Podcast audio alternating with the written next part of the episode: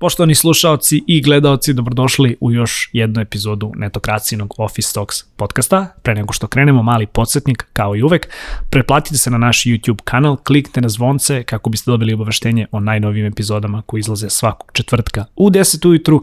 Takođe, Office Talks podcast možete pratiti i putem audio platformi, linkovi su dole u opisu.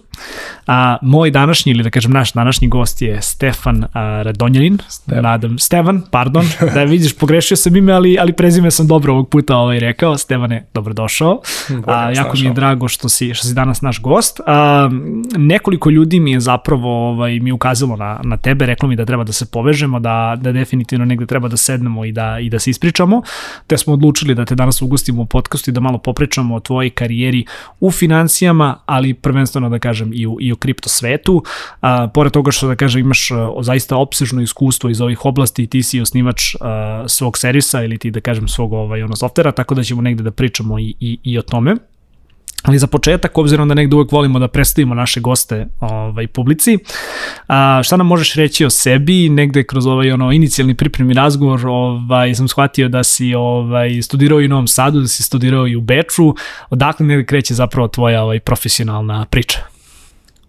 Hvala Marko, ovaj, uh, nisi prvi koji je ovaj pogrešio moje ime, ovaj uh, dok sam živio u Beču, non stop su ljudi govorili Štefan, Števan, Stevan, whatever, ovaj, redko ko je uspeo da, da pravilno izgovori, ovaj, isto tako na ceremoniji, ovaj, kad sam dobio master diplomu, ta devojka koja je uručivala diplome me je pitala ok, kako se izgovara da i da napišem i kad je napisala ovaj, u tom trenutku kad sam izlazio ponovo ovaj, ono, prezime je pogrešila do duše, ali ono, naviko sam, nije, nije nikakav problem.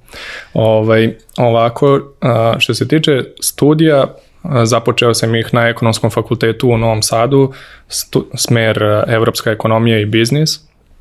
I ovaj, interesantna anegdota, ovaj, dok sam, kad sam upisivao fakultet, uh, vozio sam se taksijem i, ovaj, i taksista mi pisao ovaj, kako sam prošao prijemni i ovaj, koji sam fakultet upisao i ja kažem ekonomski i kažem, a super, i ja sam taj završio. Da, kolega. kolega, da. I, ovaj, I onda sam shvatio da ono, moram nešto ovaj, uraditi kako bi se izdvojio od hiljada studenta koji završavaju taj fakultet, tako sam odlučio da nastavim školovanje u Beču, a, master iz kvantitativnih financija i ovaj, kad sam završio taj master, ovaj, krenuo sam da radim u centrali najveće ruske banke, Sberbanke, a, kao prvo kao praktikant i posle par meseci već ovaj a, sam dobio neku seniorsku poziciju ovaj u market risku.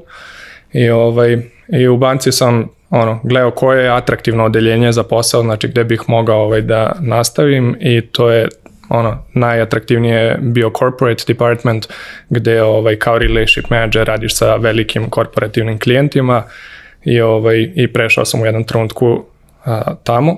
Ovaj, I ono, u početku je bilo interesantno, međutim, nekako banka mi je svo vreme delovalo kao nešto što je onako dosta old school, malo tromo, sporo, ovaj, za neko ko je mlad, željan ono, učenja, razvoja, napredovanja, tako da sam un, posle nekog perioda, znači posle pet godina rešio da napustim banku i uđem u jednu novu industriju. Da, kripto industriju. A, prepostavljam da je tvoj put u kriptu, da tvoj put u kriptu negdje izgleda kao i, i put većine ljudi koji su, ovaj, u kojima je netokracija pisala, ali je, koje smo negde ugostili baš na, baš na tom mestu ovaj, u našim podcastima.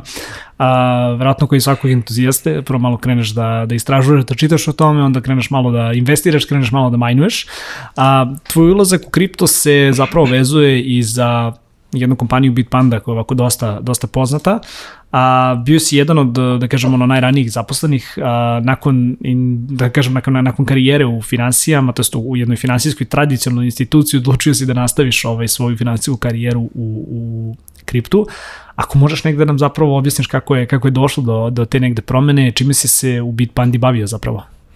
Tako je, ovaj, pa u principu krenuo sam o kriptu da razmišljam još dok sam radio u banci, nekako 2017. kripto postala vrlo atraktivna tema u toku tog bull rana, ovaj, gde su svi ono pisali o kriptovalutama i tu sam počeo malo da čitam, istražujem, interesujem se, pomalo da majnujem i kao što si rekao da investiram i, ovaj, i u tom trenutku smo ja i kolege krenuli svake nedelje da organizujemo ručkove gde bismo isključivo pričali o kriptovalutama, koja je neka nova koja se pojavila, u šta da investiramo i tako dalje.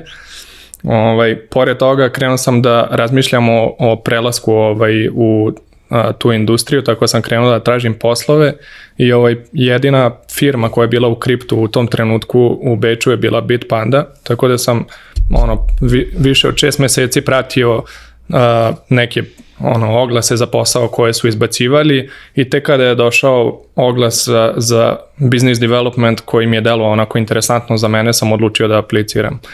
Ovaj, a, negde ono, tamo krajem 2018. sam a, krenuo da radimo u Bitpandi, zapravo negde u oktobru, ovaj, a, u business developmentu i u tom trenutku je Bitpanda bila vrlo onako a, relativno mali startup sa 50 zaposlenih koji su radili onako iz nekih improvizovanih kancelarija po različitim stanovima dakle, i zgradama. Pravi, pravi startup život, da. tako je, tako je. Ovaj, I a, od toga je firma došla sada do nekih preko hiljadu zaposlenih, 3,5 miliona korisnika i, i ono, vrednost 4 i više milijardi i tako dalje. Svaka čast. A, reci, moram negde odmah da te pitam i koliko je zapravo izazovno bilo prebaciti se iz ono, tradicionalne, teške, poprilično regulisane industrije u nešto što je novo i nešto gde si, da kažem, bukvalno na izvoru samih informacija i, uh mhm. -huh. i gde si zapravo na, na izvoru te neke finansijske ovaj, revolucije u tom trenutku? Pa to, ja bih rekao da zavisi od onoga kakav si kao osoba, da li voliš da učiš, da li voliš ono taj neki healthy challenge i to, ili ovaj, odbiješ te stvari. A, mnogi su mislili da sam možda ludo ovaj, što napuštam jedan siguran posao u banci i ono ulazim u nešto neistraženo, novo, startup, kripto i tako dalje. Međutim, meni je ovaj, bilo jako zanimljivo ovaj, da učim, da, da nekako se edukujemo o toj industriji, da, da bude među prvima koji su ušli i tako dalje.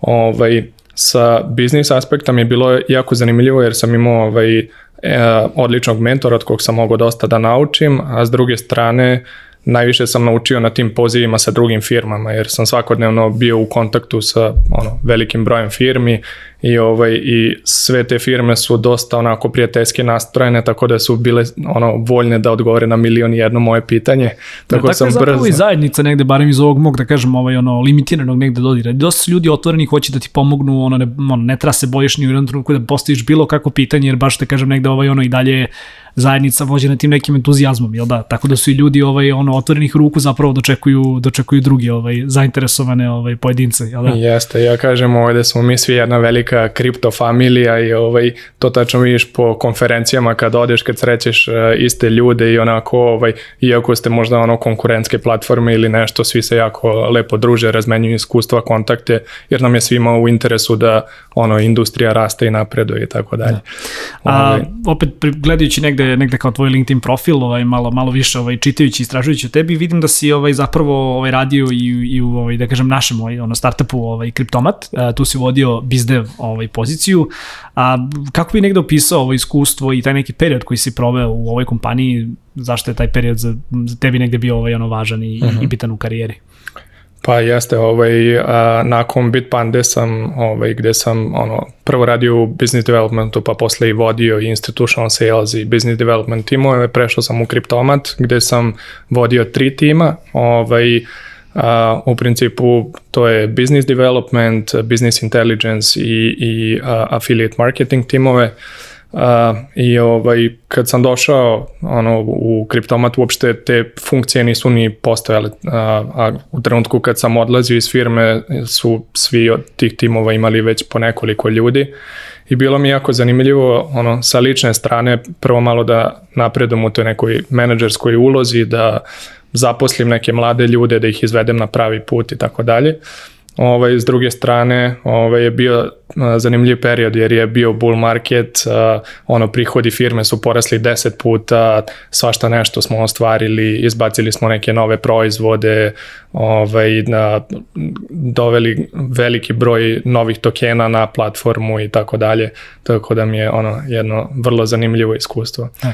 Ovaj, Mm -hmm. uh, negde, negde na vrhuncu tog ovaj, ono, uh, bull marketa, uh, do, došli smo i do ovog bear marketa koji već traje već, već neko vreme, ako tako mogu da kažem, ali si ti odlučio da je sada pravo vreme zapravo da pokreneš svoj startup. Uh, startup se zove Veli App, uh, ti si CEO i founder, a uh, šta nam može zapravo reći o kompaniji, otkud ideja da pokreneš ovaj Veli App, čime se kompanija bavi? Mm -hmm.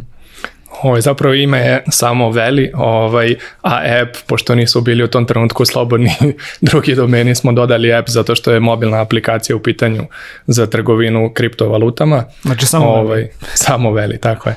Ovaj, pa kako smo do toga došli, ovaj, negde dok sam radio ovaj, u kripto industriji, gomila prijatelja me pitala Stevane u šta da investiram, u koju kriptovalutu, a pošto nisam imao vremena da se ono svakodnevno bavim i istražujem od preko 20.000 kriptovaluta i kažem e to i to, ovaj, onda sam ono kreirao oglas na LinkedInu i zaposlio jednog dečka koji je za mene zapravo pravio sažetke različitih kriptovaluta, analize cene i tako dalje i onda bih na osnovu toga odlučio ok, investiramo u ovo ili ne investiramo.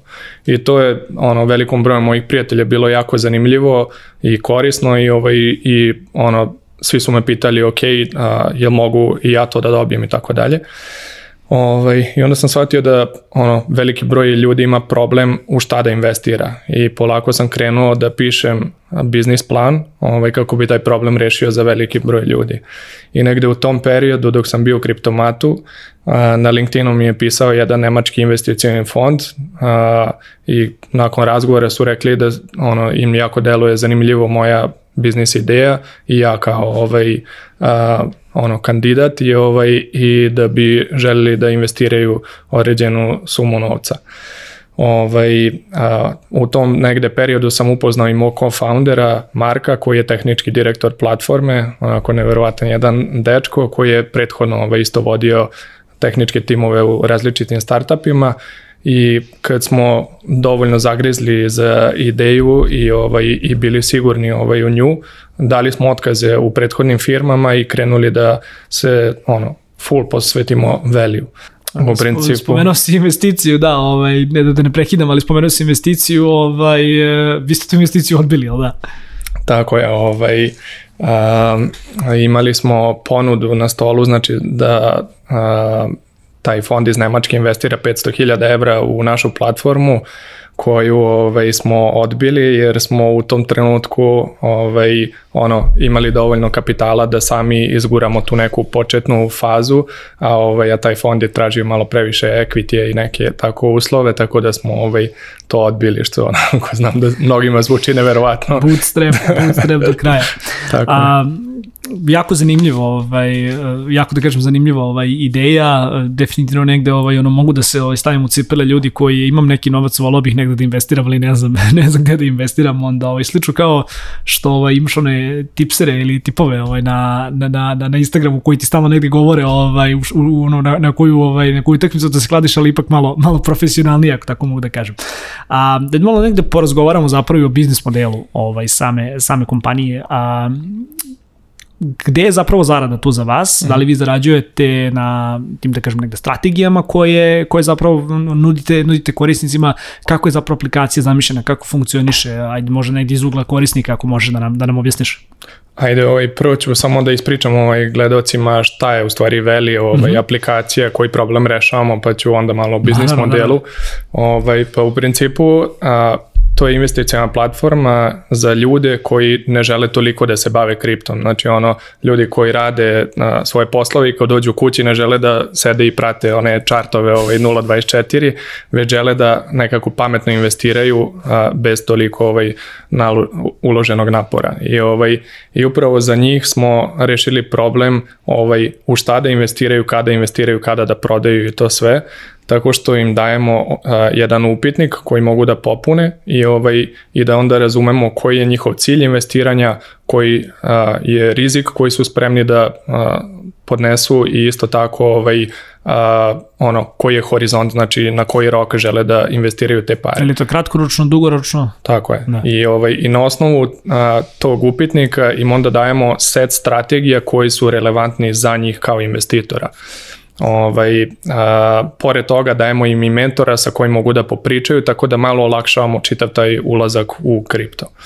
E sad što se tiče poslovnog modela, ovaj, to je klasičan brokerski poslovni model, znači kad god neko kupi ili proda određenu pojedinačnu kriptovalutu imamo malu naknadu, a, ovaj, a za te strategije koje smo spominjali, ovaj, pošto ih ono, mesečno rebalansiramo, onda ovaj, naplaćujemo uh, neki fi za fi uh, naknadu ovaj da. učim se ovaj na srpskom te izraze ovaj uh, da naknadu za godišnje održavanje kao i performance fee ovaj znači uh, kada ta strategija raste i vi zarađujete novac, ovaj mi uzimamo mali procenat, kada krene da vrednost toga pada, sve dok ne dođe do najviše ovaj tačke gde je bilo, nećemo ništa ovaj naplaćivati, tako da u principu naši i ovaj a, ono interesi korisnika su saglašeni. Usklađeni, da, jasno.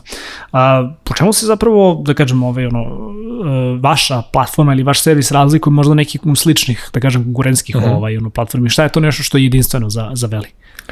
Pa rekao bi da po prvi put ovaj, postoji jedan automatski način da investirate pametno, ovaj, jer a, jako veliki broj ljudi greši, znači ne znam sad koliko znaš ovaj, kako ovaj, se kreće ovaj, cena bitcoina i kako to utiče ovaj, na, na čitavo tržište i sve, ali imamo onaj Bitcoin halving i periode rasta, periode pada i tako dalje.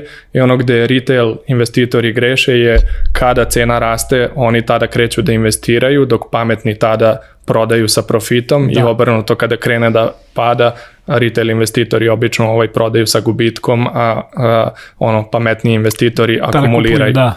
E, ovaj, ono što mi omogućavamo je da na automatski način ljudi ovaj, mogu da investiraju kao ovi pametni investitori. Znači da pri uh, ono dnu marketa da je vaš ono portfolio u nekim stabilnim kriptovalutama koje donose neki mesečni prinos, kada tržište kreće da raste, da polako ulaziš u strategiju koja je ono za tebe lično ovaj, a, odgovarajuća, da dobiješ onaj lepi prinos koji kripto nosi u bull marketu puta 10, puta 20, puta 30 na tvoju investiciju, pri kraju bull marketa da ovaj se polako izlazi ponovo u neku stabilnu kriptovalutu koja donosi prinos.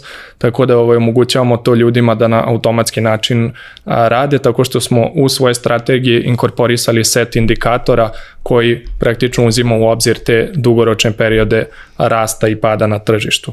Isto tako ovaj, imamo ovaj, i tog mentora sa kojim možete popričati i na neki način smo pojednostavili a, ono zaštitu od potencijalnog gubitka, znači a, o, imamo mali slajder kojim određujete koliko je maksimalni pad ovaj koji možete dozvoliti. A, na primjer ako je određena kriptovaluta padala XY ovaj, u ovaj, prethodnih mesec dana, šest meseci, godinu dana i tako dalje, možete videti ovaj, koliko je to bilo i koji je ono neki nivo sa kojim ste vi konforni i da a, odredite ok, ne želim ispod ovoga ovaj, da padne moj portfolio. A koliko trenutno negde kriptovaluta zapravo imate na, na, na vašoj ovaj, platformi, a, s koliko da kažem ovaj, tih kriptovaluta danas ovaj, pojedinačni investitori mogu da, ovaj, da trguju ili mogu da uđu da kažemo njih? Uh mhm. -huh. Pa trenutno na platformi imamo negde oko 150 kriptovaluta, što je neki početak i kasnije ćemo dodavati ovaj, a, još drugih. U principu sada smo ovaj, a, nekako krenuli sa onim kriptovalutama koje su nam dostupne preko liquidity providera sa kojima radimo i to su one najveće, najlikvidnije i najreputabilnije kriptovalute. Da. A, govorimo mm. o govorimo da kažem negde, mhm, reci. Hteo sam samo da dodam ovaj, a, vezano upravo za te kriptovalute, da ovaj, u ovoj fazi ne listujemo nikakve male kojine i neke ICO-ove. ICO znači ono kriptovalute koje sada izlaze na tržište iz prostog razloga što su to neki kao startupi, odnosno neke nesigurne investicije koje potencijalno mogu da donesu onako milionske prinose, ali ovaj našem korisniku nije u cilju da se kocka i to, nego da pametno investira a, i mislimo da ove najveće kriptovalute već imaju dovoljno visoke prinose, znači Bitcoin u bull marketu napravi puta 10, puta 15, dok ove neke druge isto velike kriptovalute napravi puta 30 i puta 100 u bull marketu, što je više nego dovoljno za svakog prosečnog ovaj, ulagača, kad uzmemo u obzir ovaj, ono, sve druge asset klase. Znači, ono, kriptovalute su na, uh, asset klasa sa najboljim performansom u poslednjih 10 godina i ovaj, negde ako pogledate prinose na, ne znam, real estate koji su, na primjer, 9%, na stocks koji su u proseku 14%, ovaj, odnosno S&P 500, ovaj, na Bitcoin je u poslednjih 10 godina bio prosečno uh, godišnje 230%, što je onako ovaj, nas, da. mnogo, mnogo atraktivnije u odnosu na sve, ovaj, tako da samim tim je i kripto industrija ovaj malo revolucionarizovala ovaj a, tu to ulaganje i ovaj i privukla jako veliki broj a, malih ulagača koji inače nikada ne bi investirali. Ovaj što je jako zanimljivo jer ovaj po prvi put u istoriji ovi prinosi ono ima smisla ulagati kad su tako visoki prinosi i ovaj i u Americi je čak taj broj ulagača u kriptovalute premašio broj ulagača u neke akcije. Mogu da kažem klasičnu, klasičnu negde ovaj, ono, berzu. To, to, to je bilo da kažem jedno možda negde i, i, i naredno pitanje, a slušamo, mislim, kao i svako od nas ima nekog ortaka u kraju koji te ovaj, još ono 2015. 16. godine vuku za rukavi kao, brate, moraš da uložiš u kriptovalute, ovaj, ono, svi su oni danas u fazonu, brate, kupiš Xiaomi, to je najbolji odnos, ono, cene i kvaliteta.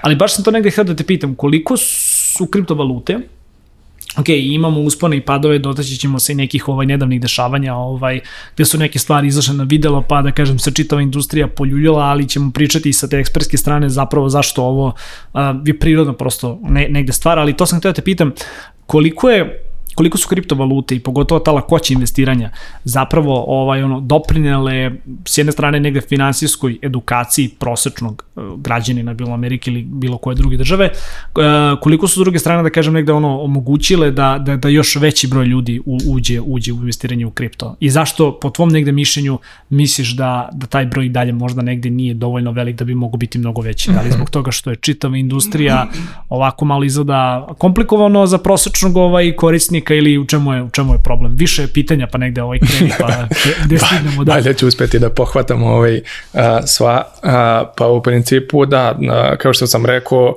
a, jako mi je drago da, da je ta kripto industrija navela ljude ono prosečne ovaj ono working class i, i ovaj a, sve da da uopšte krenu da razmišljaju o svojim financijama o ulaganju i ovaj i da su ono preko kriptovaluta krenuli da ulažu, a sada već ono i diversifikuju portfolio, interesuju se i za akcije i za neke druge investiranja, tako da to je onako neki wow efekat.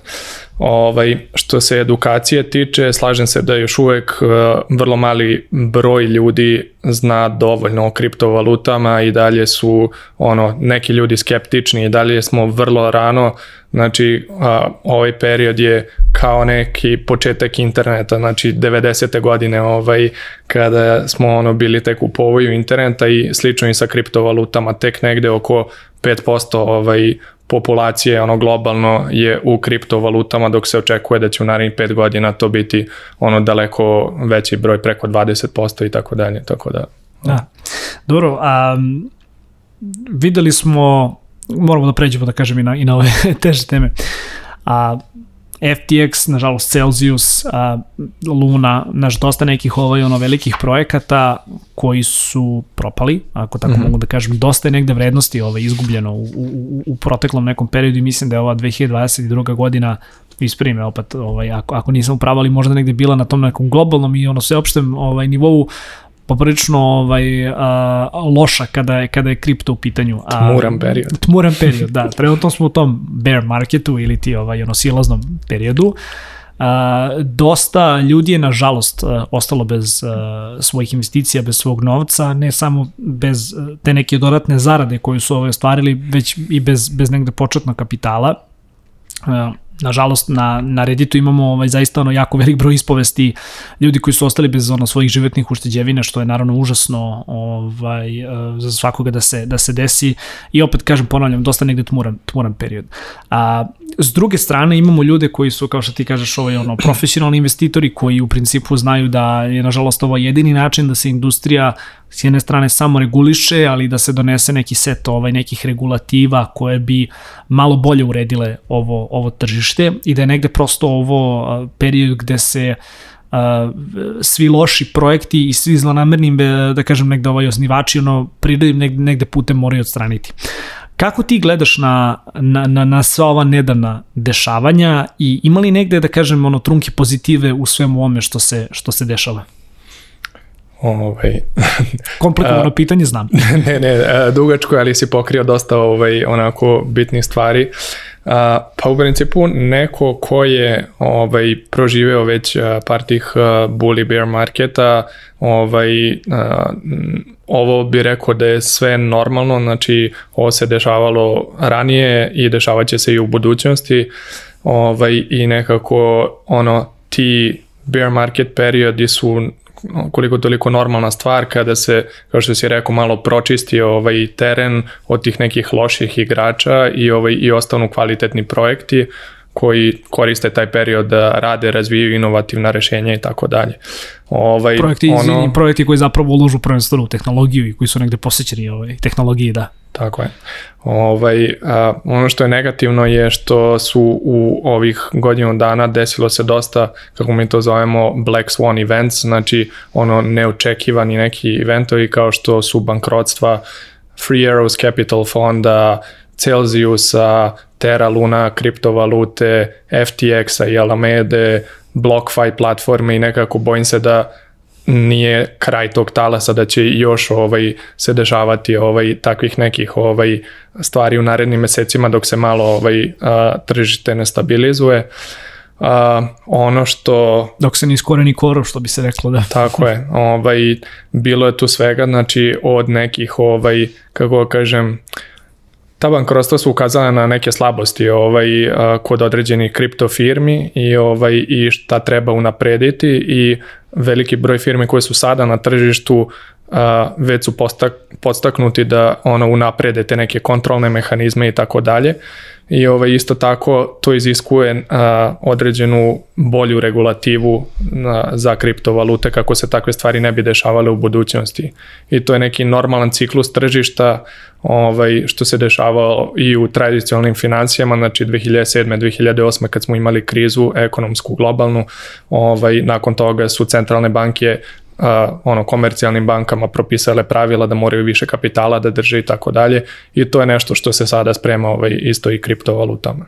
Da, dosta dosta je negde očiju ovaj upravo u američki ovaj SEC ili ti Security and Exchange Commission ovaj da li će da li će ovaj da li će kriptovalute biti ovaj uh, ako se ne varam, ispravim me, ovaj, uh, prebačeni iz tog statusa da su ovaj komoditet u status hartije od vrednosti, ako se ne varam, jel da? No. To je negde sada diskusija koja se, koja se vodi ovih dana.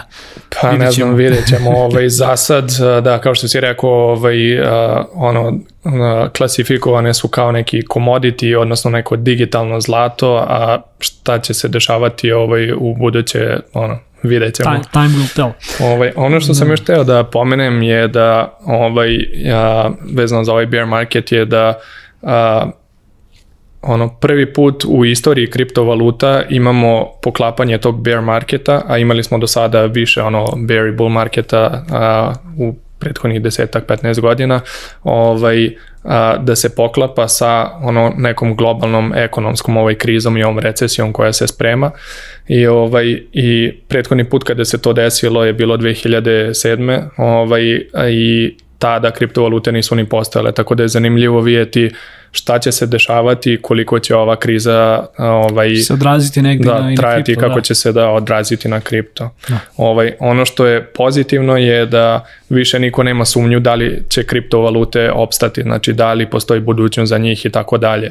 Ovaj, u prethodnim bear marketima je bilo ono ljudi koji su pričali, a ne, to ono, zaigrala se dečica, magic internet money i tako dalje. Ovaj, sada u prethodnom bull marketu je jako velik broj ozbiljnih ulagača ušao i ovaj, firmi koje grade u toj industriji i tako dalje, od investicijnih banaka pa do ovaj, nekih uh, ono, uh, investicijnih fondova kao što je BlackRock i tako dalje. Ovaj, tako da sve su to ono neki pozitivni signali na tržištu, a isto tako ovih dana čak i u bear marketu imamo signale da ono jedan od najvećih payment procesora ovaj Stripe je ušao u kripto industriju, ponudio neko rešenje za decentralizovane platforme i tako dalje. Tako da bih rekao, iako je naš ono neki tmuran period, ovaj da postoji definitivno na kraju tunela, da. da, postoji svetla na kraju tunela i baš zbog toga bih rekao da je možda sada i najbolji trenutak u istoriji ovaj a, za ljude koji se interesuju za kriptovalute da polako krenu ono da uče, istražuju i a, samim tim i investiraju. Dao si mi, dao si mi ozbiljni zadatak. moram, moram negde da te ovaj odmah pitam, mislim, spomenuli smo regulativu i ovo je negde mogu odmah da najavim našim slušalcima i gledalcima svakako jedna od tema koju ćemo ovaj, obrađivati ovaj, u, u januaru i u februaru, a to je negde da kažemo ovaj, ono, regulativa o digitalnoj imovini u Srbiji, kako su te stvari negde regulisane. Mi jesmo zapravo jedna među uh, prvim zemljama koje, koje da kažem, dobila zakon o digitalnoj imovini, mada sve više u razgovoru sa, sa osnivačima ovaj Web3 startapa, a, i da kažem ljudi koji su negde generalno u kripto svetu, ovaj, dolazim do, do zaključka da taj zakon nije adekvatan i da neke stvari a, od kada su donešene nisu una, unapređene, što je problem. A kako ti gledaš na postojeću regulativu kada su ove stvari u pitanju u Srbiji? A, da li ima prostora za unapređenje a, kako bi to napređenje trebalo da izgleda, koliko to negde limitira domaće ovaj kompanije koje koje posluju u, u ovom a, u ovom domenu. Odlično pitanje. Ovaj, a... Da, pripremio sam se.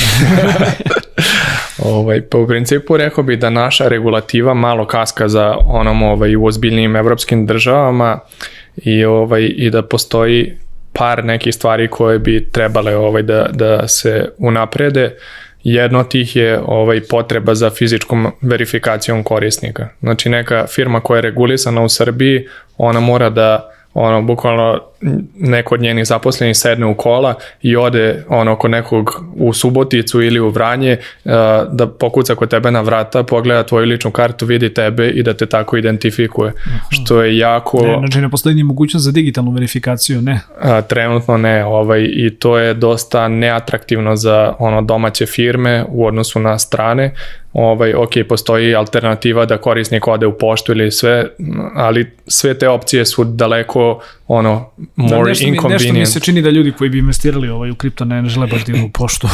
pa to, ovaj, do, dosta je to onako a, neatraktivno i za ulagače, ali i za firme, ovaj, a, dok na stranim platformama dovoljno je da preko mobilne aplikacije ono, prikažeš svoju ličnu kartu i ti si već verifikovan. Ovaj, drugi problem što imamo sa domaćom regulativom je što su pokušali na neki način da svrstaju kriptovalute, da je uglave u neke ono okvire koji su za druge finansijske instrumente poput akcije i tako dalje.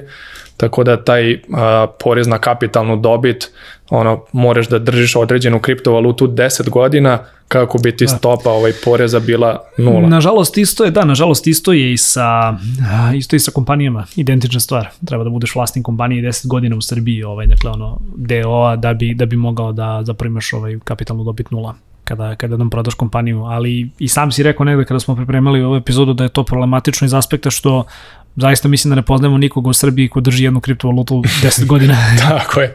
Ja mislim da jedino Satoshi Nakamoto koji je ono, uh, ono tvorac uh, Bitcoina eventualno drži on, kriptovalutu preko 10 godina u Srbiji siguran sam da niko ovaj, to ne drži. Um, ono, mislim da ne znam, u Austriji je, na primjer, trenutno godinu dana taj period, ovaj, u nekim zemljama je dve godine i tako dalje.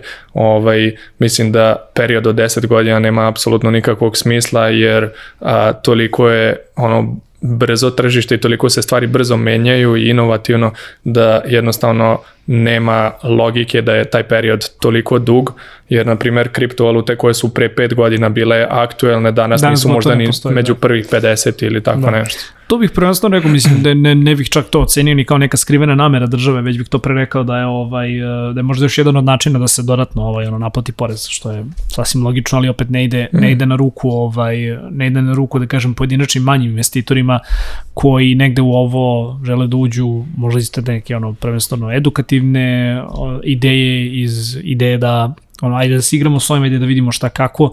Mislim podnošenje te poreske prijave to je to je pa kao, to ti mogu iz iskustva mm. reći. Ovaj nije, nije, nije definitivno nešto sa, sa čime ovaj, ono, prosečan investitor ovaj, želi da se, da se igra i, i, i, i da se ovaj da se onako zeza ako tako mogu da kažem. Ima ima i tu rešenja ovaj dok sam živeo ovaj u Austriji a, ono ta priprema poreza je dosta pojednostavljena kroz neke servise kao što je Blockbit i tako dalje. Ovaj postoje neke firme koje ono, povežeš ih sa svojim exchange accountima, oni prikupe sve transakcije i generišu I jedan izveštaj da. koji praktično možeš ovaj porez koji da prikažeš, mm. tako da je to dosta pojednostavljeno. To može biti ovaj naredni feature za, za mene.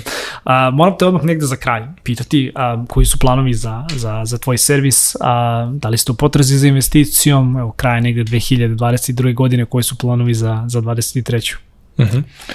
Pa u principu ono prvi naredni plan ovaj, a, ovih dana jeste da izbacimo edukativni webinar, tako da svi ljudi koje zanima ovaj, ono, da uđu u kripto i kako da investiraju u ovom narednom periodu. Potrudit ćemo se da ostavimo link negde u opisu ispod videa svakako Može. ka, ka webinaru, da. Ovaj, a, ti, a, oni mogu da dođu kod nas i poslušaju taj webinar. Kasnije će ono to prerasti u neku ozbiljniju edukaciju gde će moći ovaj da ono dođu sa znanjem nula i izađu posle mesec dva ovaj sa ono samopouzdanjem da mogu ovaj sa dovoljnim znanjem da investiraju u kripto. Sad trenutno ovaj smo u fazi gde treba da uh, u narednih nedelju dve izbacimo betu, odnosno da krenemo sa prvih 100 korisnika da testiramo našu aplikaciju I, ovaj, I onda negde ovaj, početkom naredne godine bismo želi da uđemo u program akceleracije koji se zove Katapult i nakon toga ovaj, da izbacimo ovaj oficijalnu aplikaciju, a, rezujemo novu rundu a, investicija, zaposlimo dodatne ljude i onda negde tamo krajem naredne godine ovaj da dodajemo još neke asset klase poput tokenizovanih akcija, tokenizovanih nekretnina, tokenizovanog zlata i tako dalje. Da. Ništa, hvala ti puno ovaj, što, si, što si bio naš gost. Nadam se negde da će se možda malo držiti i oporaviti u toku naredne godine, ovaj, ako je da kažem svakako recesija tu negde ovaj, pred vratima, ali dobro, bože moj. A, Stevane, ovog puta sam izgovorio tvoje ime, hvala ti još jednom što si bio ovaj, naš gost. A, ostavit ćemo negde u opisu ovaj, ove epizode i tvoj LinkedIn profil, pa te ljude mogu dodati negde ovaj, popričati sa tobom i o tvom proizvodu, ali i o strategijama za, za investiranje. A, poštovni slušalci i gledalci, evo stigu smo na kraj epizode, hvala vam što ste bili sa nama do, do kraja. Uh, još jednom podsjetnik, pretplatite se na naš YouTube kanal, kliknite na zvonce kako biste dobili obaveštenje o najnovim epizodama. A, takođe Office Talks možete pratiti a, i putem audio a, platformi, op, linkovi su dole u opisu, toliko od nas u ovoj epizodi, vidimo se naredne nedelje. Ćao!